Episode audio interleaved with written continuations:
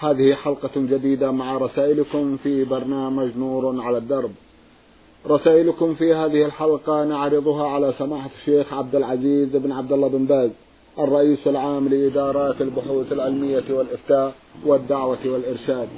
مع مطلع هذه الحلقة نرحب بسماحة الشيخ ونشكر له تفضله بإجابة السادة المستمعين. فأهلا وسهلا بالشيخ عبد العزيز. حياكم الله وبارك حياكم الله. أولى رسائل هذه الحلقة رسالة وصلت إلى البرنامج من البحرين. بعث بالرسالة الأخوان منصورة مسارحة وعواد الشرعة. الأخوان يسألون هذا السؤال. هل هناك آيات كريمة من القرآن الكريم نسخت بعد نزولها على المصطفى صلى الله عليه وسلم؟ وهل نسخت لفظا وبقي الحكم؟ أم نسخت حكما ولفظا وما هي؟ بسم الله الرحمن الرحيم. الحمد لله وصلى الله وسلم على رسول الله وعلى آله وأصحابه ومن اهتدى بهداه. أما بعد فنعم يوجد بعض آيات نسخ حكمها وبقي لفظها مثل قوله جل وعلا واللاتي يأتون فاحشة من نسائكم فاستشهدوا عليهن أربعة منكم فإن شهدوا فأمسكوهن في البيوت حتى يتوفاهن الموت أو يجعل الله لهن سبيلا. هذه نسخت بأن شرع الله الحدود فجعل حد البكر ثمانين مئة جلدة في الزنا وحد المحصن الرجم. كذلك قوله جل وعلا واللذان يأتيان فآذوهما فإن تابا وأصلح فأعرض عنهما. نسخ ذلك أيضا بالحد.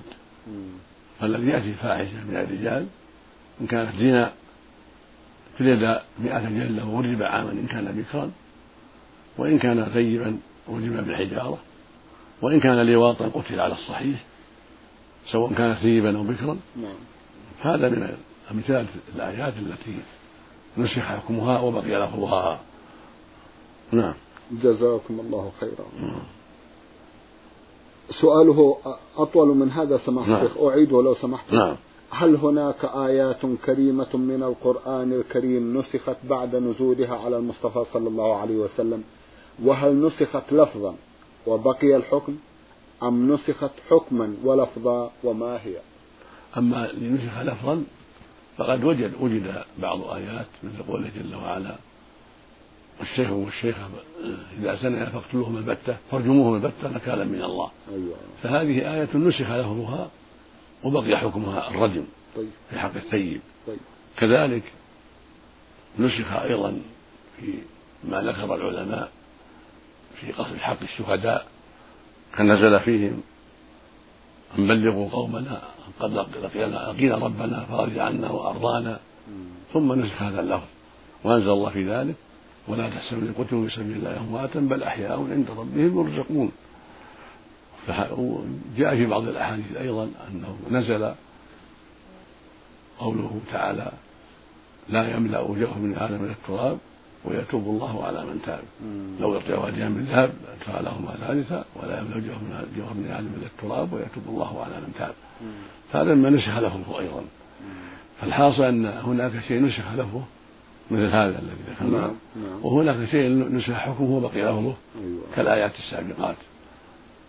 نعم بارك الله فيكم ونفع بعلمكم كذلك وكذلك آية أخرى قوله جل وعلا كتب عليكم إذا حضر أحد الموت إن ترك خير الوصية للوالدين والأقربين بالمعروف حق على المتقين نعم. فهذه ذهب بعض أهل العلم إلى أنها نسخت بالكلية نعم. والصواب أنه أنها خصت أيوة. وأن الوصية للوارث فقط قال صلى الله عليه وسلم إن الله قد أعطى كل ذي حق حقه فلا وصية لوارث فنسخ الله الوصية لمن كان يرث أما الوصية لمن لا يرث فلا بأس باقية.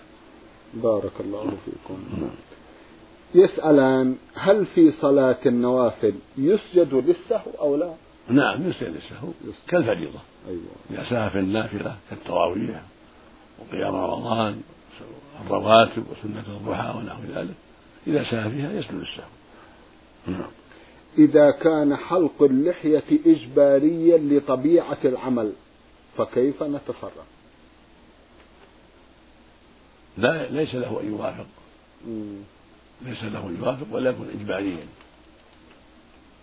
إذا طلبوا منه حلق اللحية ليس له أن يوافق ولو لم يوظف. إذا قالوا إما أن تحلق وإما لم نوظفك لا يتوظف. الرزق عند الله. سواء كان عسكريا أو غير عسكري. عليه يمتنع ويقول طاعة الله مقدمة. إنما الطاعة في المعروف. لا طاعة المخلوق في هذا فإما أن أبقى بلحيتي وإما أن أفصل. ولا ولا يضرني فصلي. الرزق عند الله عز وجل.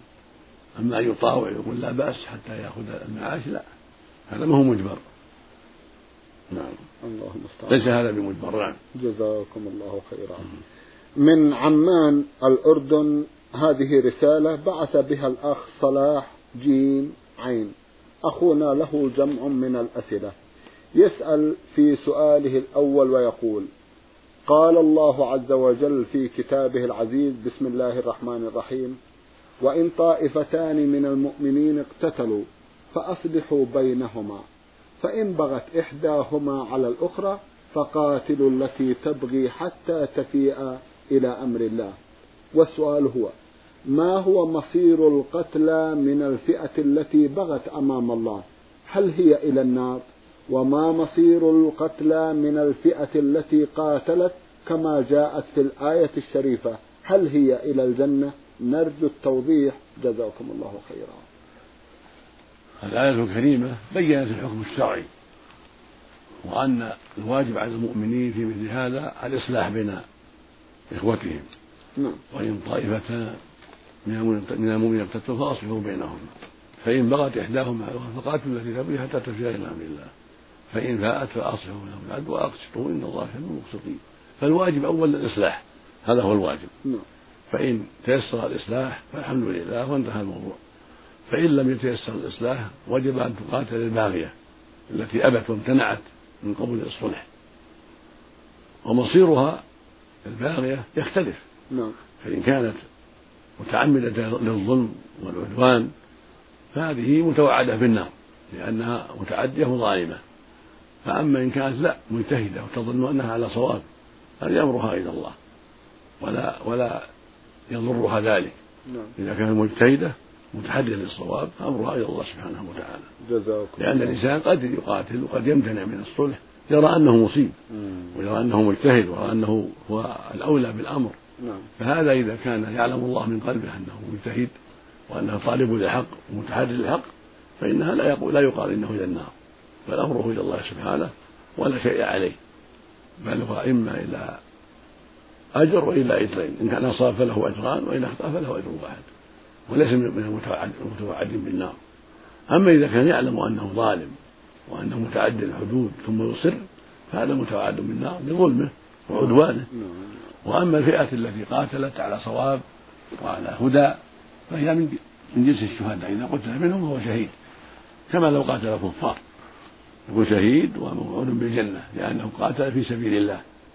الذي قاتل الباغية يعتبر مقاتلا في سبيل الله فهو من الشهداء إذا قتل وله الجنة وإنما الإشكال في المقتول من الفئة الباغية التي أبت الصلح. هذا هو المحل محل البحث. فيقال في حق في حقها إن كانت ظالمة متعمدة تعلم أنها باغية وأنها ظالمة فهي متوعدة بالنار. لأن القتل بغير حق صاحبه متوعد بالنار نسأل الله العافية. أما إذا كانت لا تعتقد أنها مصيبة وأنها على هدى وأنها مظلومة فهذه لا لا, لا يلحقها الوعيد بل أمرها إلى الله ولها أجر اجتهادها ويفوتها أجر الصواب. جزاكم الله خيرا. وحديث إذا التقى المسلمان بسيفيهما فالقاتل المقتول في النار. محمول على الطائفتين غير المجتهدتين أيوة. الظالمتين. أيوة. إذا التقيا وكلاهما ظالم متعدي. فكلاهما متوعد بالنار كالقتال على العصبية والظلم والهوى. فهذا متوعد كلهم متوعد بالنار.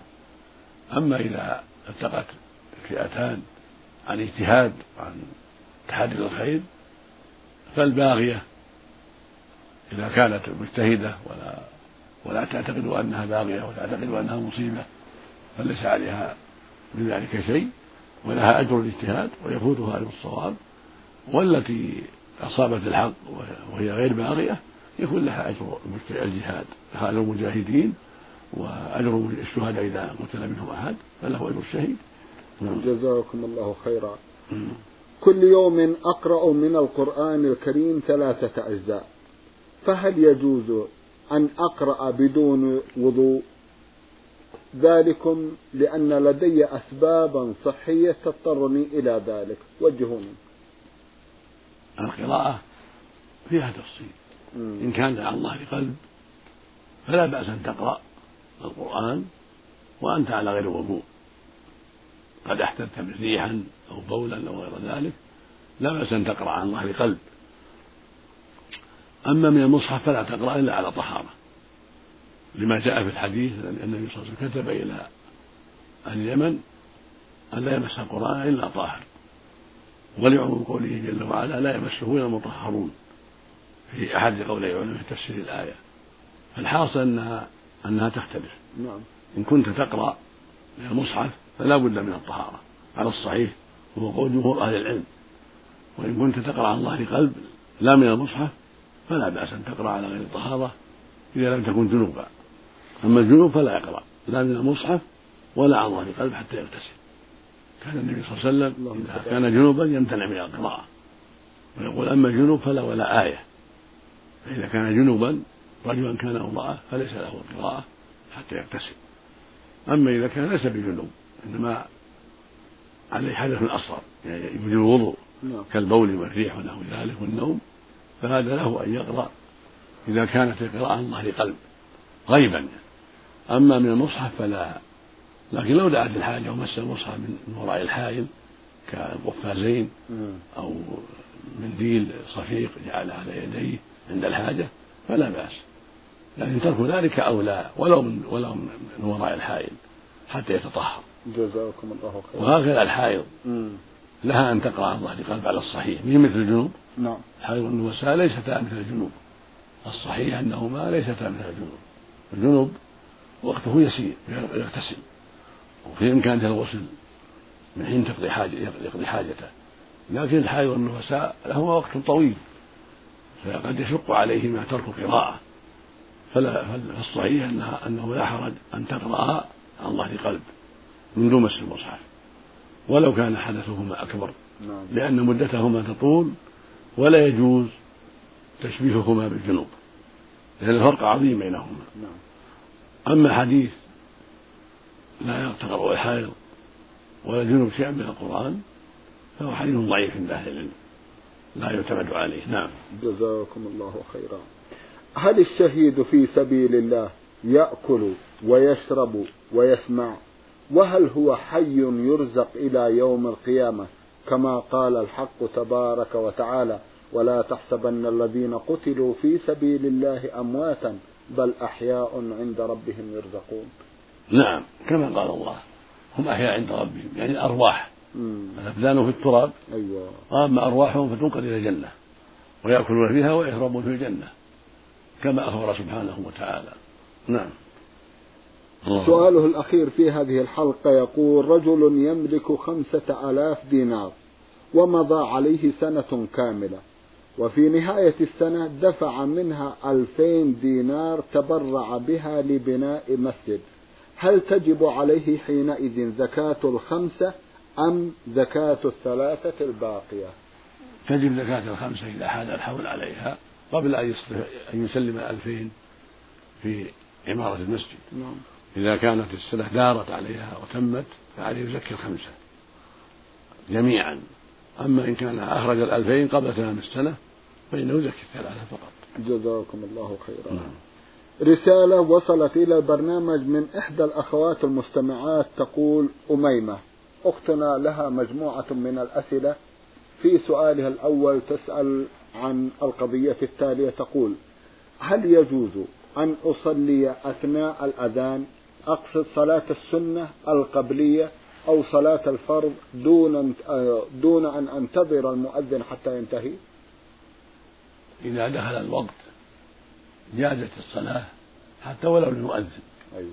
إذا دخل الوقت وعرف المؤمن أو المؤمنة دخول الوقت بزوال الشمس مثلا أو بغروب الشمس مثلا أو بطلوع الفجر الفجر صلى ولو لم يسمع أذانا. لكن إذا كان هناك اشتباه فلا ينبغي التعجل بل ينبغي التأخر حتى يتحقق دخول الوقت حتى يؤذن المؤذنون وليس هناك حاجة إلى العجلة. يبقى الإنسان ذكرا كان أنثى لا يستعجل حتى يتحقق دخول الوقت أو يغلب على ظن دخوله بأسباب واضحة. طيب. ولا ينبغي التعجل في هذا. والمرأة بحمد الله عندها سعة تبقى في بيتها ولا تعجل حتى يؤذن المؤذنون يبقى يمضي وقت بعد الأذان أيضا حتى تحتاط لدينها. طيب. وليست مربوطة بالرجال لكن تحتاط لدينها بالتأخر. بعد الوقت وبعد الأذان أما الرجل فإنه يصلي مع الناس ويذهب إلى المساجد فإذا كان لا يستطيع لمرضه أو كونه مقعدا يصلي في البيت فهذا مثل المرأة لا يعجل حتى يتحقق الوقت أو يغلب على ظنه دخول الوقت بالعلامات الدالة على ذلك ولا يستعجل. جزاكم الله خيرا. بالنسبة للرجل إذا دخل المسجد سماحة الشيخ أثناء تأدية الأذان هل ينتظر الأذان حتى ينتهي أو يؤدي تحية المسجد؟ لا أفضل ينتظر أيوة. حتى يجيب المؤذن ثم أيوة. يصلي ركعتين. بارك الله حتى يجمع بين السنتين. أيوة. يجيب المؤذن وهو واقف. ثم إذا أجاب المؤذن وكمل ذلك صلى ركعتين. جزاكم أما كان يشق عليه الوقوف يصلي ركعتين والحمد لله. جزاكم نعم. الله خيرا. هل صلة الأرحام تلزم الرجال دون النساء؟ صلة الرحم مشتركة بين الرجال والنساء. نعم. لأن الله جل وعلا يقول في كتابه العظيم فهل عسيتم إن توليتم أن تفسدوا وتقطعوا أرحامكم؟ أولئك الذين لعنهم الله فأصمهم وأعمى أبصارهم. هذا خطاب للجميع نعم. للرجال والنساء. وهكذا قوله صلى الله عليه وسلم لا يدخل الجنة قاطع رحم يعم الرجال والنساء. وقوله صلى الله عليه وسلم من أحب أن يفسح له في أجله وأن يوصل له في رزقه فليصل رحمه. يعم الرجال والنساء. فوصل الرحم مطلوب من الرجال والنساء بل واجب على الجميع. ولا يختص بالرجال نعم. هل قص الشعر وتقصيره كشعر الرجل ولكن ليس بنية التشبه بالرجال؟ هل يعتبر ذلك محرم؟ ترك الشعر ترك المرأة شعرها أفضل لأنه جمال لها. فالأفضل لها والأولى بها تركه وعدم قصه بل يبقى جمالا لها وزينة لها. لكن لو أخذت منه خففته منه لا لقصد التشبه بالكافرات ولا بالرجال ولكن لأنه طويل فتخفف منه فلا حرج في ذلك. وقد ثبت أن أزواج النبي صلى الله عليه وسلم بعدما توفي أخذنا من رؤوس قصصنا رؤوسهن للتخفيف. فالحاصل أن التخفيف لا بأس به ولكن تركه للجمال والزينة يكون أفضل وأولى. وإذا قصت منه شيئا فليكن ذلك على غير قصد التشبه بالكافرات أو التشبه بالرجال بل لقصد التخفيف أو الزينة لزوجها إذا كان يرضى بذلك. أما إذا كان يمنعها نعم. فليس لها أن تعصي زوجها. جزاكم نعم. الله خيرا. تسأل أختنا وتقول أنا في الواحدة والعشرين من عمري ولي أخت تعمل بالخارج. عرضت علي أن أؤدي فريضة الحج على نفقتها. فهل هذا جائز شرعا؟ مع العلم أنني لا أعمل وليس لي مال. أرجو التوضيح. جزاكم الله خيرا. نعم لا بأس بذلك. إذا التزمت أختك بالنفقة فجزاها الله خيرا. الله يقول وتعاونوا على البر والتقوى. ويقول النبي صلى الله عليه وسلم والله في عون العبد ما كان العبد في عون أخيه. ويقول عليه الصلاة والسلام من كان في حاجة أخيه كان الله في حاجته متفق عليه. فإذا التزمت أختك أو أخوك أو عمك أو خالك أو أبوك أو أمك بالنفقة فجزاهم الله خيرا. ولا شيء عليك ولا حرج نعم. قال الله تعالى إنما حرم عليكم الميتة والدم ولحم الخنزير وما أهل به لغير الله. فمن اضطر غير باغ ولا عاد فلا إثم عليه إن الله غفور رحيم. اشرحوا لي هذه الآية الكريمة ولا سيما كلمة الدم. هل كان الناس يأكلون الدم قبل نزول هذه الآية؟ نعم كانت العرب تأكل الدم وتشرب الدم. ويحتاج فصدوا الإبل وشربوا الدماء. فالله نهاهم عن هذا. إذا كان مسفوحا هو الذي يصب من العروق نعم. أو غير العروق. أما الدم الجامد كالكبد فهذا لا بأس إذا أكل الإنسان الكبد لأنها ليست دما مسفوحا فلا حرج في ذلك. وكان في الجاهلية يأكلون الدم ويفسدون الحيوانات ويسرون من دمائها. حرم الله عليهم ذلك وبين سبحانه في الآيات الأخرى أو دما مسفوحا يعني, يعني مراقا.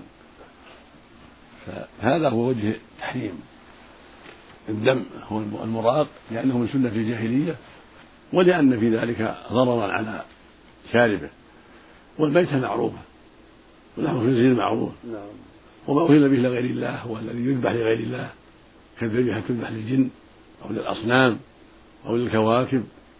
هذه ذبيحة محرمة. نعم. يعني ذبحت لغير الله. فمن اضطر إلى الميتة أو غيرها فله الأكل من ذلك. غير باغ ولا عاد. غير ظالم ولا باغ على إخوانه المسلمين. فالباغي والعادي فسر بأنواع. منها البغاة يخرجون على السلطان فهم ظالمون بذلك. ومنها المتعدي الذي يتعدى بأكله من الميتة بغير ضرورة ولا حاجة فلا يسمى مضطرا. وبعض أهل العلم ذكر في ذلك أمرا آخر وهو أن يسافر سفرا يعتبر معصية فيعتبر متعديا متعديا أيضا فليس له رخصة. ولكن الأقرب والله أعلم أنه مقيد بأن يكون أكله غير باغ ولا عاد إنما ضرورة. يعني أكل للضرورة لا يجد شيئا. نعم. أما إذا تعدى بأن أكل بغير ضرورة أو تعاطى من الميتة بغير ضرورة فيسمى باغ ويسمى عاديا متعدي لحدود الله عز وجل. أما إذا اضطر إلى ذلك بسبب سفر معصية أو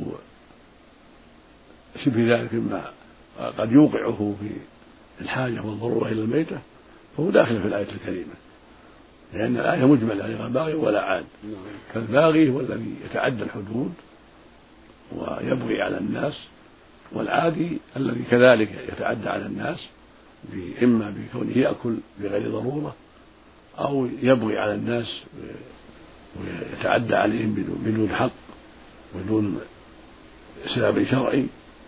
فهذا هو الذي يمتنع عليه هذه الأشياء وإنما يكون مضطرا إذا كان لا يجد شيئا حتى يخاف على نفسه فيأكل من الميتة أو من الخنزير أو ما أهل به لغير الله أو من الدم للضرورة التي وقع فيها. نعم نسأل الله. جزاكم نعم. الله خيرا. رسالة وصلت إلى البرنامج من السودان وباعثها الأخ عبد العزيز فضل الله محمد. أخونا يسأل ويقول كيف نوفق بين قوله تعالى يمحو الله ما يشاء ويثبت وعنده أم الكتاب؟ وبين حديث الرسول صلى الله عليه وسلم رفعت الأقلام وجفت الصحف.